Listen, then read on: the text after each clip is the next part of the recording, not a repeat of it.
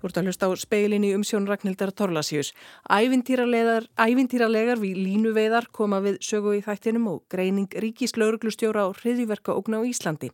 En við byrjum aftur á móti á tilraunum til að koma á vopnallíi á Gaza. Sendinemdir frá Egiptalandi, Katar, Bandaríkjónum og Ísrael settst í dag að samningaborðinu í Kæró í Egiptalandi til að reyna enn einu sinni að semja um vopnallíi á Gaza.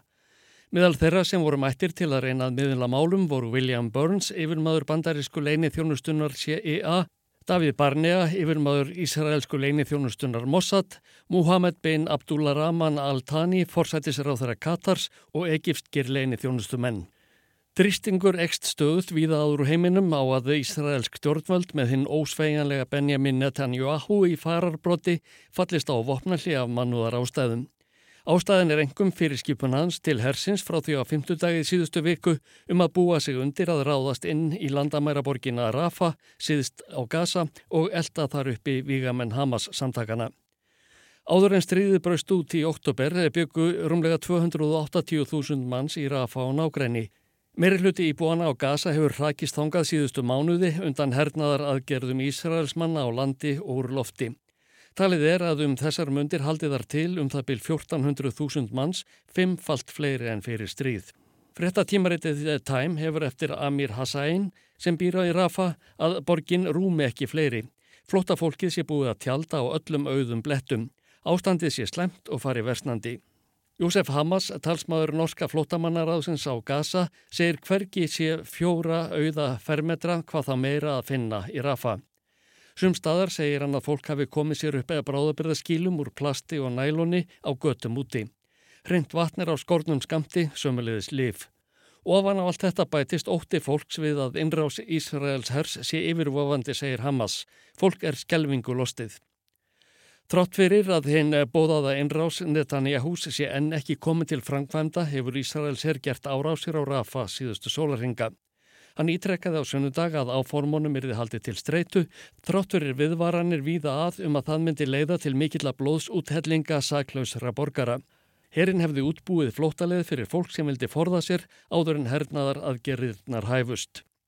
Margir hafa dreyið í efa að slíkt sé mögulegt. Fólkið hafi einfaldlega engan örugan stað að flýja til. Í söðri séu landamæri Gaza og Egiptalands sem séu harðu lokuð.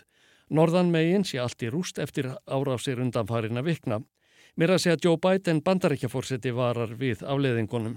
The major military operation of Rafah should not proceed without a credible plan for ensuring the safety and support of more than one million people sheltering there. Ekki ætti að grípa til umfangsmikilla hernaðar aðgerða í Rafa án þess að leggja fyrst fram trúverðuga áallun til að tryggja öryggi og stuðning við meira en eina miljón manns sem hefur letað þar skjóls, saði fórsetin eftir fund með Abdullah Jordaníu konungi í Washington í gær. Þar ítrekkaðan kröfur bandaríkjastjórnar um vopnallið í að minnstakosti halvan annan mánuð. Netanyahu og hans menn hafa til þessa lítið gefið fyrir hugmyndir, ráðleggingar og kröfur bandaríkjastjórnar til að koma á vopna hlið og þyrma lífi saklaus fólks í Palestínu. Ymsum bandaríkjamönnum þykir nóg komið. Þeirra á meðal er öldungadeildar þingmaðurinn Chris Van Hollen, samherji Bidens í demokratafloknum. Hann gaggrindi Ísraelsk stjórnvöld harkalega í ræðu á þingi í gær og sakaði þau um að svelta palestinsk börn á gasa til bana með því að koma í vekk fyrir að brínustu nöðsínar væru sendar þangað. The overriding message to the United States from the Netanyahu coalition is this.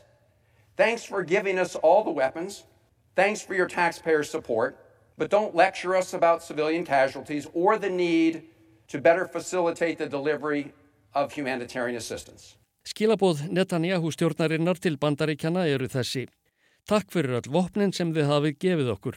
Takk fyrir stuðningin frá skattkreðendum en ekki pretika yfir okkur um mannfall almennra borgara eða nöðsinn þess að veita þeim mannúðaraðstóð, saði Van Hollen.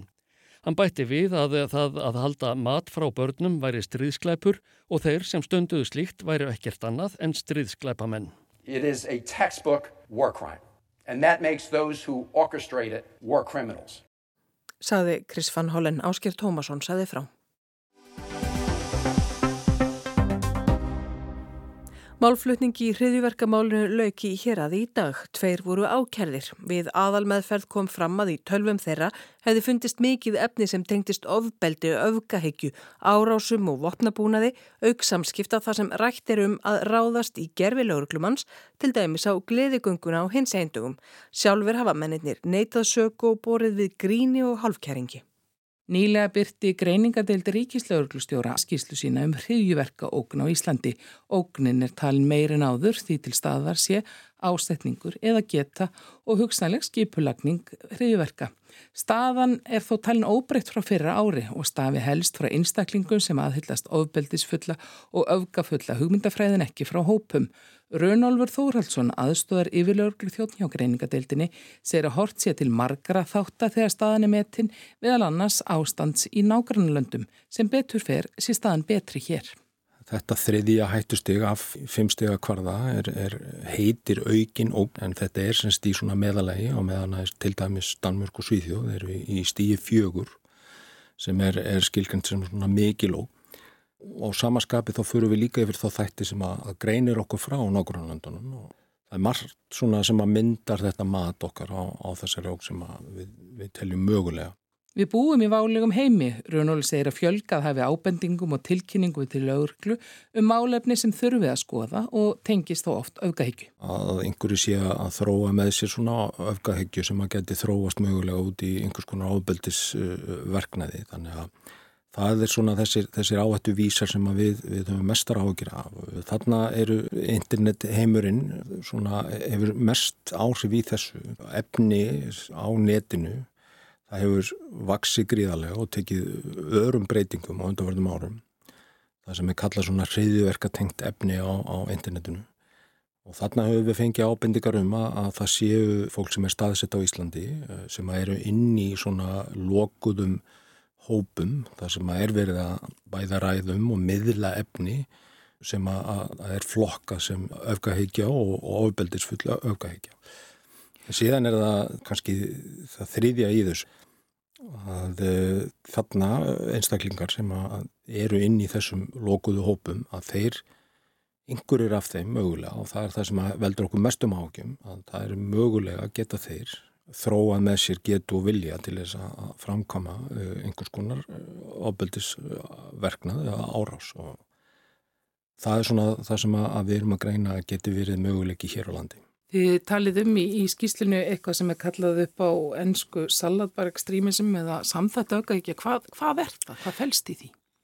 Það er þessi þróun sem við myndist á áðan að Hér áður fyrr, ef við horfum til, þá voru Bilgja hriðverka árasa 2004 og 2005 og 2007, London og, og Madrid, eh, síðan kom reið önnur Bilgja yfir Európu 2015, vissulega Breivik líka e, í Oslo, en, en svona með, með stofnun Kalifa dæmisins í, í Íraka, þá var sína hriðverka árasa 2015, 16, 17 og 18.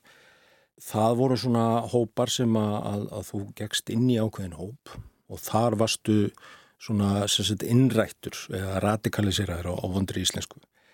Það sem er, við greinum núna er það að eh, fólk eh, sem að lokast inn í svona hópum, það sem að algoritmar eh, stýrat aldrei efninu að þar getur orðið svona sjálfsinnræting og, og, og þú þarft ekki að gangast inn í einhvern hóp heldur bara við það að vera inn í svona hóp spjalla um þetta, lesa leiðbynningar það er verið að hvetja til óbeldis og hann að, þá, þá getur myndast þetta sem við kallum svona sjálfsinnræting og, og það eru allskinn ströymar og stefnir í þessu og þess vegna er þetta svona að kalla, já, á einsku salatbar ekstremism. Og hafið þið rekist á svona áþrefnvelega dæmi þar um? Við höfum verið að fylgjast með því sem að Európu lauraglan, Europol hefur verið að benda á að það eru upp á ennsku hafa verið margar kenningar í gangi. Einn þeirra kallast uh, The Great Replacement. Uh, Brenton Tarrant, hriðverkamærun uh, í Nýja Sjálandi vitnaði mjög í hana.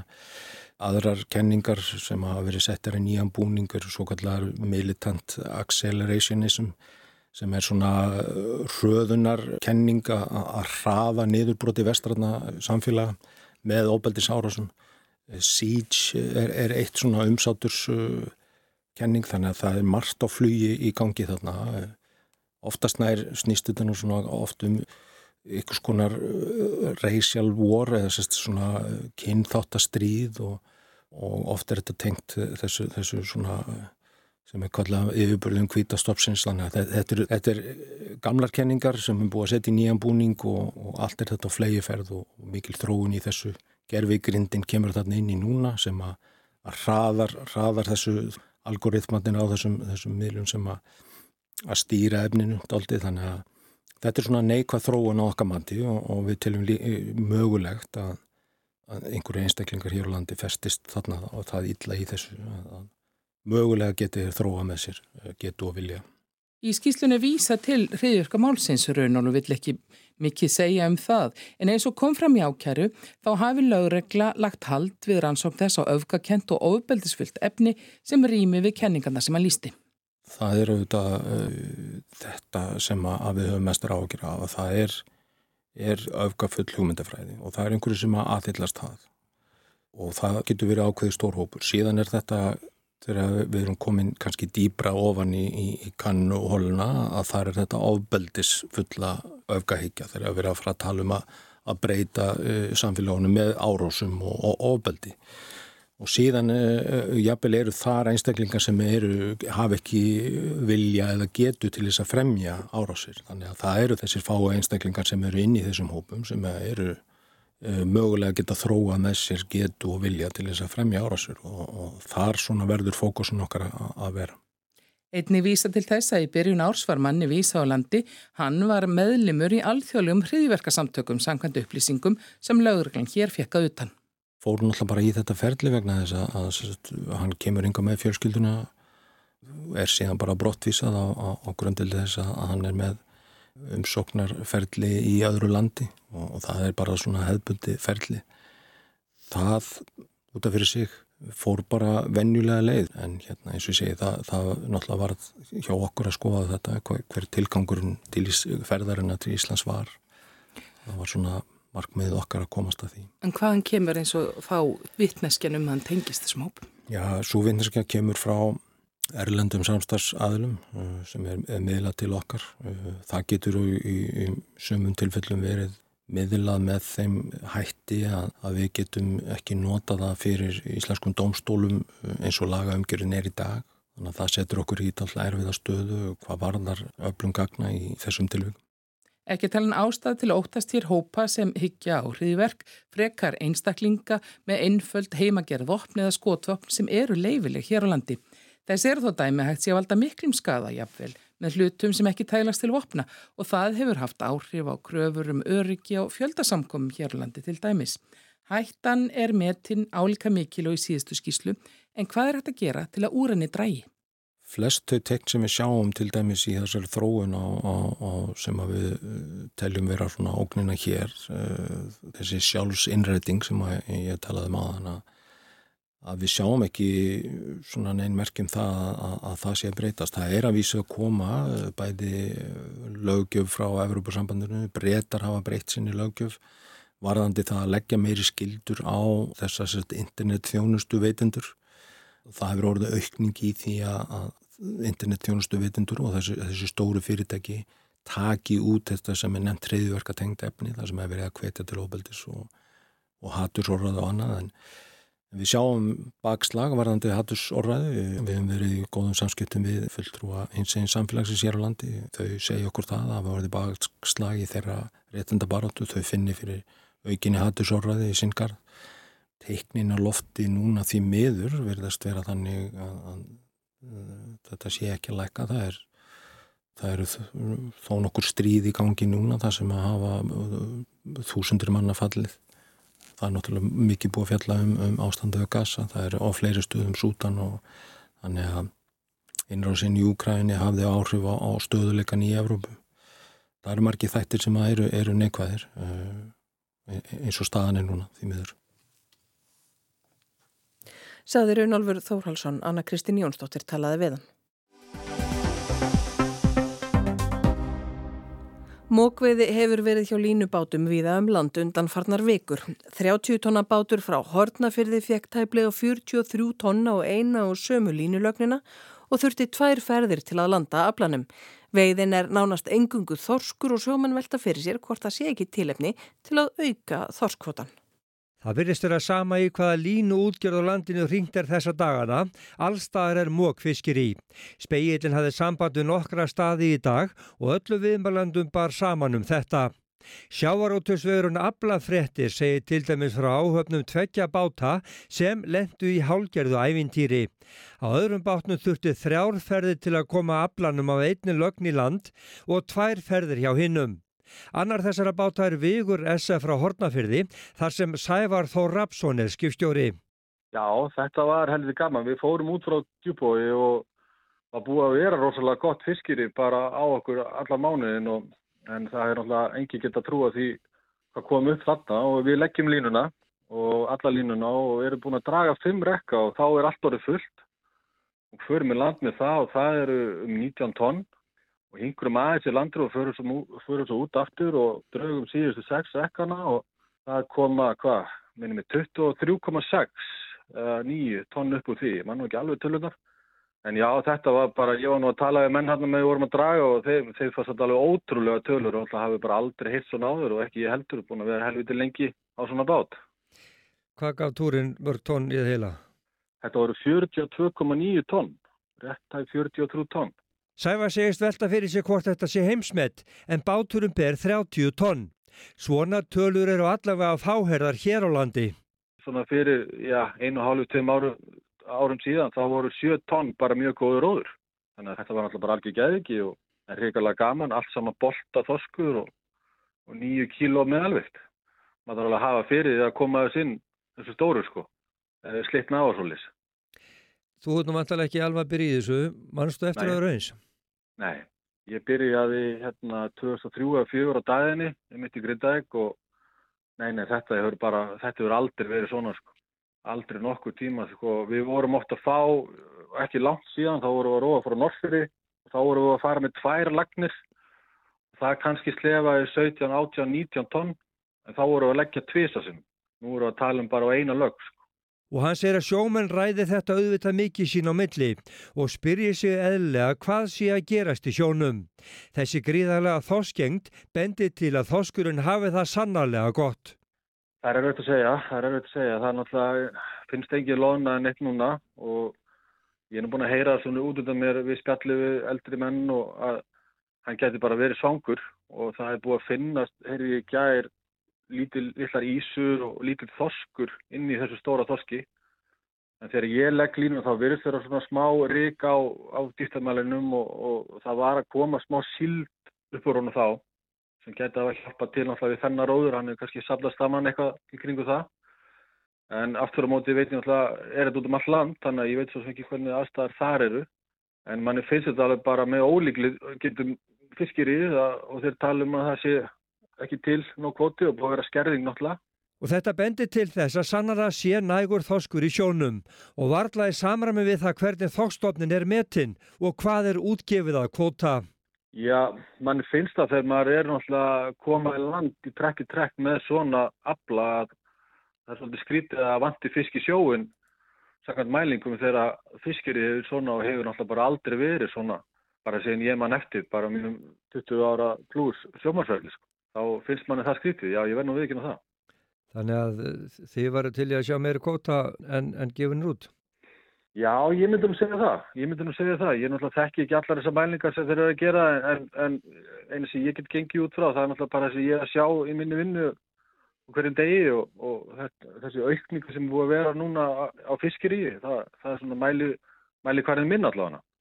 En hvernig er það ef þú ert nú að fá 30-40 tonn í túr, eh, þá er nú kvotinu vantarlega fljótur að, að hverfa? Já, það er búið að ganga rosalega mikið á kvotan í okkur og, og ég veit ekki alveg hvernig það verður útvært núna bara í sumar og svona. Við höfum þurft að stoppa síðust tvö ár í mánuð því að er, þetta byrjaði svona fyrir, já, fem árum síðan að aukast svona. En ég veit ekki hvernig það verður hjá okkur núna í sumar, 100%, en það er orðið lí, mjög lítið að kvota veiti eftir í okkur. Saði Sævar Þór Rapsson, Ágúst Ólafsson talaði við hann og fleira var ekki í speklinum verðið sæl.